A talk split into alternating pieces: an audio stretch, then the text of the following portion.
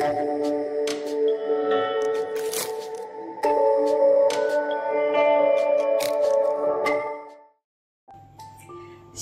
kekasih Tuhan, senang sekali bertemu Anda kembali. Sungguh suatu sukacita yang besar bagi saya mengetahui Anda hadir di sini untuk beribadah bersama-sama. Hari ini saya akan sharing kebenaran firman Tuhan dengan tema atau judul Modern Thankful. Kita akan melihat di kitab 1 Tesalonika 5 ayat ke-18.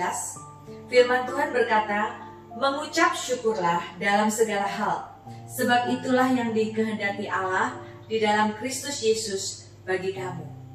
Di dalam Amplify dikatakan in every situation, no matter what the circumstances, be thankful and continually giving thanks to God. Wow, ini dikatakan in every situation. No matter what the circumstances, di dalam situasi apa pun, tidak peduli bagaimanapun kondisi yang sedang kita terjadi di sekitar kita, Alkitab berkata be thankful. Tentu saja kita berpikir ini mudah diucapkan tapi tidak mudah dilakukan ya saudara ya. Dikatakan this is the will of God. Inilah kehendak Allah bagi hidup setiap kita orang yang percaya. Saudara, tentu kita rindu sekali untuk hidup di dalam kehendak Allah. Dan kehendak Allah jelas dikatakan be thankful.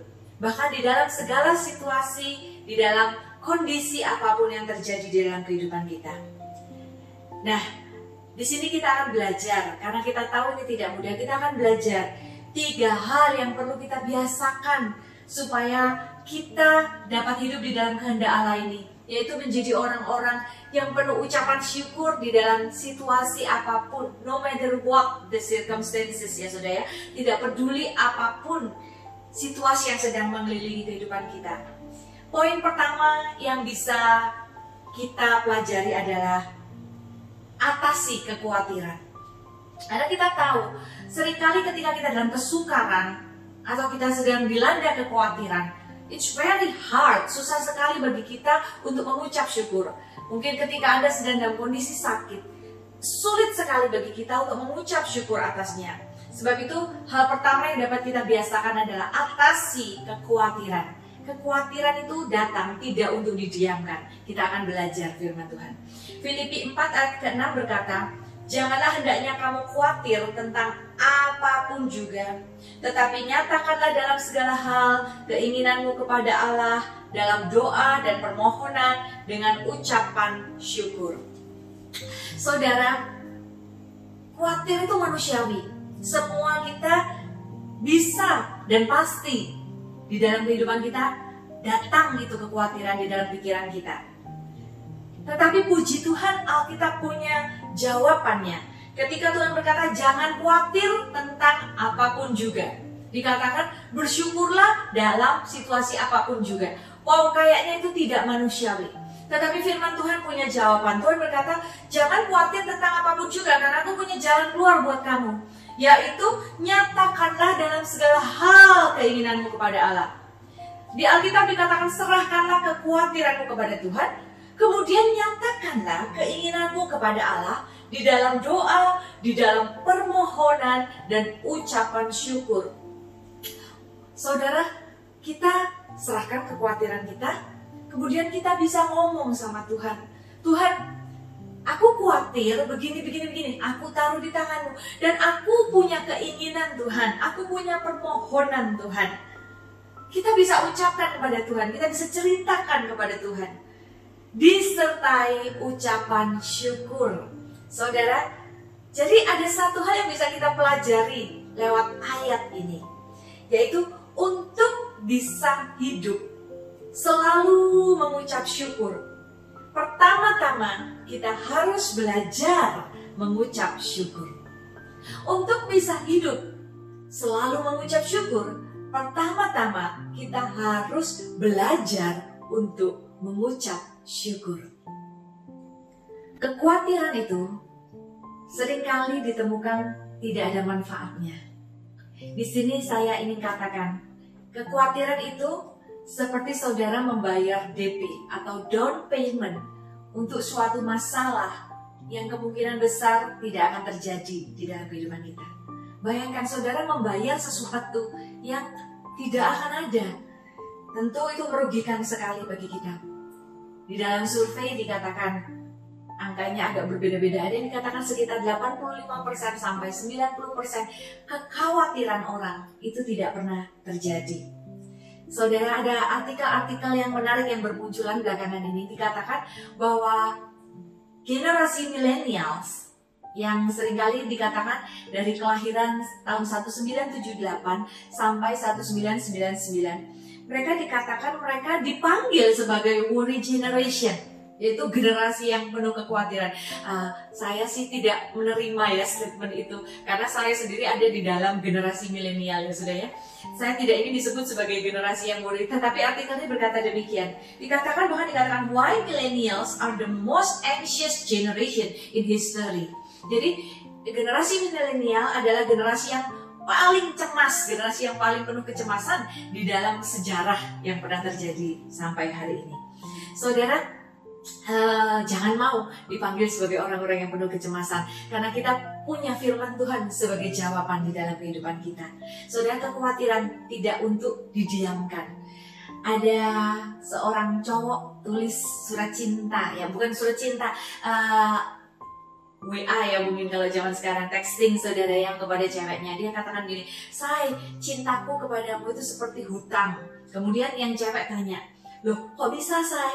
Iya, awalnya cintaku kecil tapi aku diemin tahu-tahu dia jadi gede saudara ya wah itu gombal banget ya saudara ya tetapi kekhawatiran itu seperti itu mungkin awalnya sepele kecil tapi kalau saudara tidak atasi sesuai firman Tuhan saudara tidak atasi sesuai kehendak Tuhan saudara akan temukan suatu hari kekhawatiran itu mengkontrol tindakan kita, mengkontrol pikiran kita, bahkan akan mengkontrol tingkah laku kita, dan bahkan akan mengkontrol masa depan kita. Saya berdoa biarlah firman Tuhan, kehendak Tuhan yang jadi dalam hidup kita, bukan kekhawatiran kita. Yang kedua adalah fokus pada hal yang tepat, saudara. Belajar dan senantiasa belajar untuk fokus pada hal yang tepat zaman ini ini cukup berbeda dengan masa-masa yang lalu, saudara. Dengan kebebasan berpendapat yang terus-menerus di digaungkan ya saudara ya bahwa ini saatnya untuk uh, kita bebas berpendapat dan sebagainya saudara banyak orang sudah begitu terbiasa untuk menjadi sangat responsif ya saudara ya terhadap berita-berita yang menyebar Sebab itu sering kali akan muncul komen-komen pada sosmed ketika seseorang posting sesuatu, orang-orang yang tak dikenal saudara ya. Komen-komen yang muncul dengan tajamnya, kemudian saling saut menyaut, terjadi pertikaian, saudara terjadi masalah. Sebetulnya uh, sikap sangat responsif itu bisa membantu, tetapi juga bisa menjadi masalah besar. Kata responsif sendiri itu adalah berarti cepat merespon atau cepat memberi tanggapan. Hal ini bisa sangat positif tergantung pada siapa kita responsif atau merespon.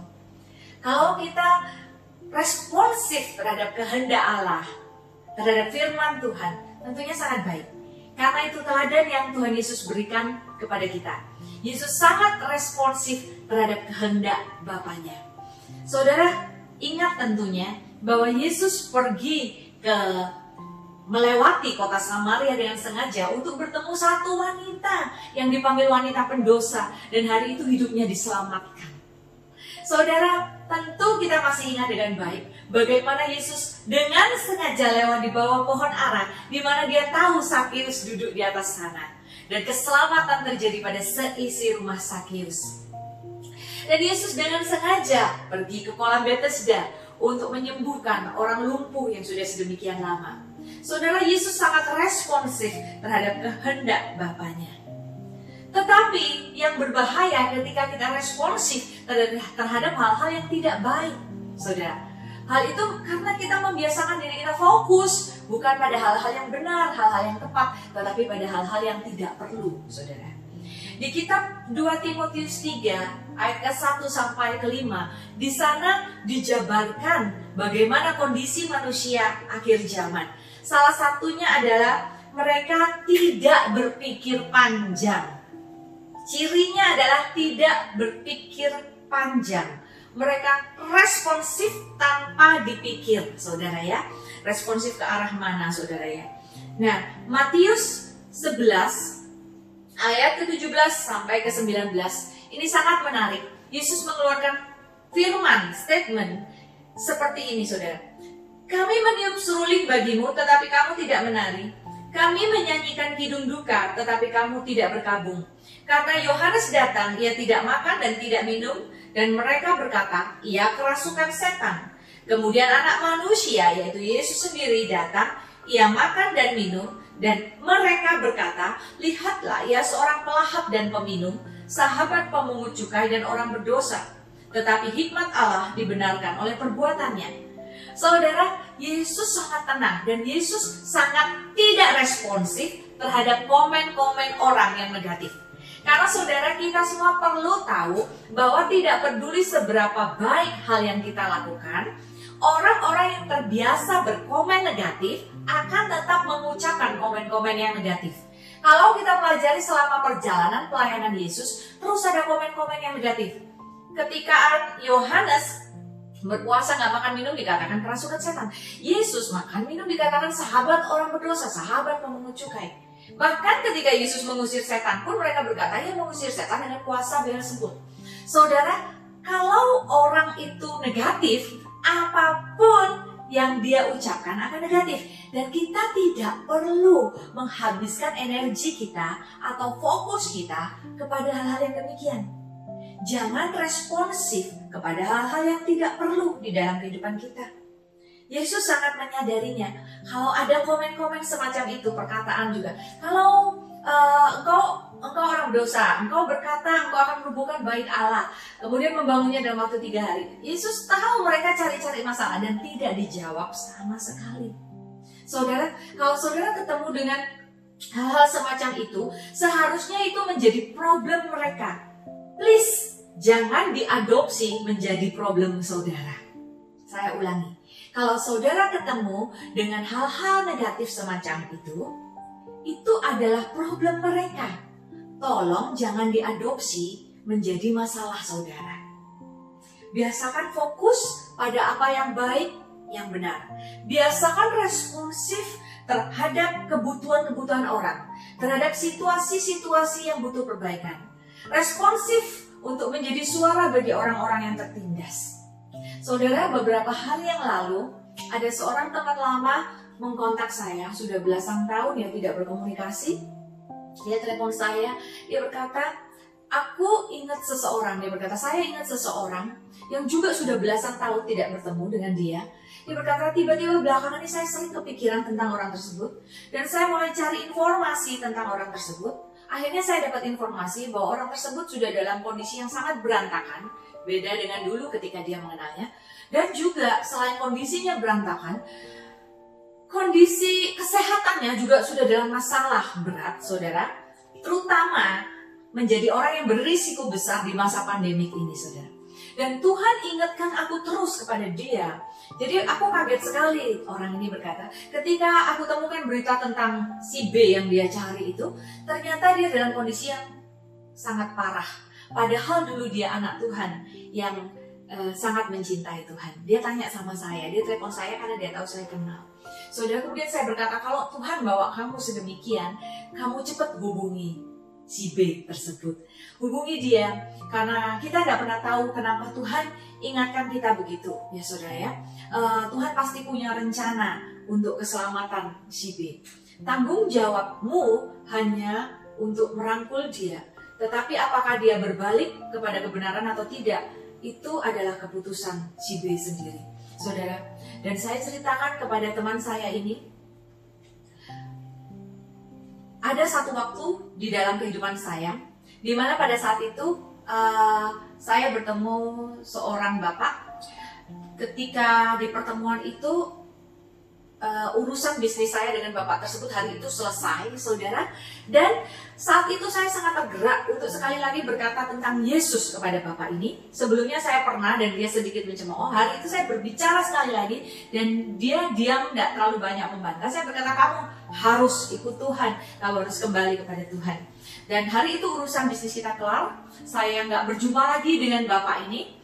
Uh, sekitar mungkin hanya berapa minggu kemudian saya kaget sekali, saya melihat berita di koran, saudara. Bapak ini ada di dalam penjara. Ya, karena persoalan bisnis, dia ada di dalam penjara. Dan yang paling mengagetkan saya, di koran tersebut ditulis, beliau meninggal di penjara karena overdosis. Saudara, saya sangat bersyukur sekali di pertemuan terakhir itu, saya mengikuti dorongan Tuhan untuk berbicara tentang Yesus kepada dia. Apakah dia menerima atau tidak, itu adalah keputusan beliau. Tetapi firman Tuhan, kabar baik itu perlu didengar. Hendaklah kita fokus pada hal-hal yang tepat, hal-hal yang benar. Hendaklah kita responsif kepada kehendak Allah di dalam kehidupan kita. Saudara, poin ketiga yang bisa kita pelajari, yang bisa kita biasakan supaya kita dapat hidup di dalam kehendak Allah tersebut adalah pahami tentang bersyukur dan biasakan untuk bersyukur. Saudara, sikap bersyukur dan ucapan syukur itu sungguh menjadi concern bagi Tuhan Yesus. Sebab itu kita mendengar firman, be thankful. Ucapkanlah syukur dalam segala keadaan. Tahukah Anda, bagi seorang yang punya sikap bersyukur di dalam hatinya, saudara ya, di dalam segala keadaan pun dia akan mengucap, belajar mengucap syukur. Tetapi bagi seorang tukang komplain, istilahnya kalau Anda menaruh dia di surga pun, dia tetap akan komplain tentang surga, saudara ya. Saudara, tidak perlu hal-hal yang luar biasa, yang awesome, yang fantastik di dalam kehidupan kita untuk kita belajar mengucap syukur dan berbahagia. Coba belajar arahkan diri pada hal-hal kecil di dalam kehidupan kita dan belajarlah mempraktekkan ucapan syukur untuk hal-hal sederhana yang terjadi di dalam kehidupan kita. Rasa syukur itu saudara akan membuat kita hidup di dalam kepenuhan Allah. Kita akan makin melihat kebaikan-kebaikan Allah tersingkapkan dalam kehidupan kita. Lebih dari itu, sikap bersyukur tersebut punya satu kuasa yang besar. Yesus sendiri merupakan alasan yang cukup untuk segala bentuk ucapan syukur kita. Saudara mungkin tahu satu lagu yang berkata, Give thanks with a grateful heart, give thanks to the Holy One, give thanks because He's given Jesus Christ His Son itu sungguh-sungguh iya dan amin. Yesus adalah alasan yang cukup untuk segala ucapan syukur kita dalam segala kondisi. And now let the weak say, I am strong because of Jesus. Let the poor say, I am rich because of Jesus. Saudara, bersama dengan Yesus, datang segala yang baik, yang sempurna dalam kehidupan saya dan saudara. Saya ulangi, bersama dengan Yesus yang diberikan Bapa bagi kita, datang segala yang baik, segala yang sempurna dalam kehidupan kita. Sekalipun mungkin yang baik dan sempurna itu dibungkus atau wrap ya saudara, seperti dikemas dengan penderitaan dan kesulitan. Saudara, saya ajak saudara berpikir, kalau saudara terima hadiah ya, saudara lebih suka mana? Terima hadiah berlian yang dibungkus di dalam tisu, atau saudara terima kotoran yang ditaruh di dalam box yang indah? Tahukah saudara, penderitaan-penderitaan kita, kesulitan-kesulitan kita itu seperti bungkusan saja. Di dalamnya ada harta yang luar biasa. Ada satu uh, anugerah, ada satu kebaikan Tuhan yang luar biasa di dalamnya. Saya sudah dua kali mendengar cerita langsung ya dari orang-orang yang bersangkutan. Bagaimana berlian dibungkus di dalam tisu dan terbuang ke tempat sampah. Benar-benar itu saudara. Jadi mungkin saudara kalau melihat tisu bisa jadi ada berlian di dalamnya. Tapi saudara saya yakin saudara lebih suka terima berlian yang dibungkus dengan tisu tersebut daripada saudara terima uh, box yang indah di dalamnya berisi kotoran kan? Bersama Tuhan Yesus datang segala yang baik, segala yang sempurna dalam kehidupan kita, saudara. Yesus merupakan alasan bagi kita untuk mengucap syukur. Apalagi yang kita bisa pelajari tentang ucapan syukur. Saudara, uh, saya sedikit kupas saudara ya, bahwa uh, thankful ya saudara, si, uh, si perasaan bersyukur itu sering kali datang ketika kita melihat satu kondisi yang baik kita bisa merasa thankful. Mungkin saudara melihat hidangan yang banyak, enak-enak di depan kita, kita bisa merasa thankful, ya saudara ya. Tetapi ketika uh, perasaan thankful tersebut kita ekspresikan dengan kita mengucapkan thank you kepada sesama kita, kepada Tuhan, saudara. Itu menjadi satu sikap yang grateful, saudara. Tetapi ada satu yang lebih lagi daripada itu, more than thankful, saudara ya di mana kita belajar masuk di dalam satu state of being ya saudara, satu kondisi kita kita belajar untuk selalu mengucap syukur dan berterima kasih dan bersyukur di dalam segala keadaan. Bukan hanya ketika keadaan itu baik, tetapi kita grateful, thankful, gratitude in advance di depan. Ketika kita belum melihat sesuatu yang baik terjadi, kita sudah bersyukur di depan saudara. Karena itulah yang Tuhan Yesus ajarkan dan Tuhan Yesus contohkan kepada saya dan saudara.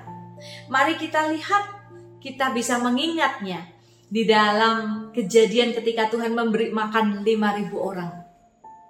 Saat itu ada orang-orang yang kelaparan yang mengikuti Yesus. Yesus hanya memegang lima roti dan dua ikan punya seorang anak kecil. Tetapi kita melihat satu teladan apa yang Yesus lakukan. Yesus mengangkat roti itu, Yesus mengucap syukur atasnya dan membagi-bagikannya. Dan kita melihat mujizat itu terjadi, saudara. Kita melihat kebutuhan yang terpenuhi. Kita melihat kelebihan bahkan terjadi hingga 12 keranjang. Saudara, uh, semuanya dimulai dari ucapan syukur atas sesuatu yang kecil yang ada di tangan Tuhan Yesus saat itu, Saudara. Saudara, kita juga bisa melihatnya ketika satu saat Yesus berdiri di depan kubur Lazarus, Saudara ya. Di depan kubur Lazarus. Dan pada saat itu Yesus berdoa Doa ini luar biasa. Dia berkata, Bapak, di depan orang banyak yang ada pada saat itu. Yesus berdoa, Bapak, aku bersyukur bahwa engkau telah mendengarkan aku. Aku tahu bahwa engkau selalu mendengarkan aku. Dan demi kepentingan orang banyak ini, sebab itu aku berdoa supaya mereka melihat satu teladan Saudara, Yesus mengucap syukur pada saat kondisinya Lazarus masih tergeletak mati di dalam gua itu. Saudara, tetapi kita melihat endingnya di mana Lazarus dihidupkan kembali dan dibangkitkan. Saudara, saya bisa hanya bisa berkata, sikap yang terus-menerus bersyukur atau bersyukur di depan ya. Thankful in advance grateful in advance gratitude in advance di depan saudara ya. Dengan tulus kita mengucap syukur di depan karena kita percaya bahwa Tuhan selalu dan pasti akan mendengarkan kita. Itu akan mendatangkan miracle dan mujizat di dalam kehidupan kita. Saudara teladan yang Tuhan berikan sungguh luar biasa dan itu ya dan amin. Saya punya suatu kesaksian untuk kita ingat kembali pada saat secara medis sangat sulit bagi saya dan pasangan untuk memiliki anak pada saat itu. Tuhan memberikan janji yang sangat jelas kepada kami lewat firman Tuhan bahwa Tuhan akan memberikan kami anak anak-anak dan beberapa orang hamba Tuhan datang meneguhkan janji Tuhan tersebut dengan cara yang ajaib, Saudara ya. Dan pada saat di tengah krisis yang paling krisis di mana vonis itu datang secara medis kepada kami, justru di saat itulah saya masih ingat ya Saudara, tahun-tahun itu di mana saya berdiri di depan mimbar di hadapan mungkin banyak di antara saudara yang saat ini masih melihat saya berdiri dengan derayan air mata saya berkata, di tengah vonis penyakit yang saya derita dan di tengah vonis yang kelihatan sulit bagi kami sebagai couple, saya berkata, saudara akan melihat anak-anak saya. Anak-anak yang Tuhan janjikan kepada saya dan saya mengucap syukur atasnya dan saya akan tetap melayani Tuhan di tengah krisis ini karena saya percaya janji Tuhan ya dan amin. Dan saudara, kita melihat dengan berjalannya waktu Tuhan menggenapi janjinya secara luar biasa. Saudara, ucapan syukur saudara itu bukan sesuatu yang useless, sesuatu yang hanya lewat Ucapan syukur saudara adalah ekspresi iman saudara bahwa Tuhan mendengarkan saudara. Ekspresi iman saudara bahwa saudara yakin Tuhan akan menolong saudara. Dan di sanalah saudara akan melihat mujizat kebaikan Tuhan jalan keluar terjadi di dalam kehidupan saudara. More than thankful. Atasi kekhawatiran kita fokus hanya kepada hal-hal yang tepat dalam kehidupan kita. Jangan habiskan energi kita untuk hal-hal yang tidak penting. Dan pahamilah kuasa dari bersyukur dan praktekkanlah. Belajarlah selalu mengucap syukur untuk apa pun yang terjadi dalam kehidupan kita. Biarlah kehendak Allah terjadi dalam kehidupan saya dan saudara. Amin. Tuhan Yesus memberkati.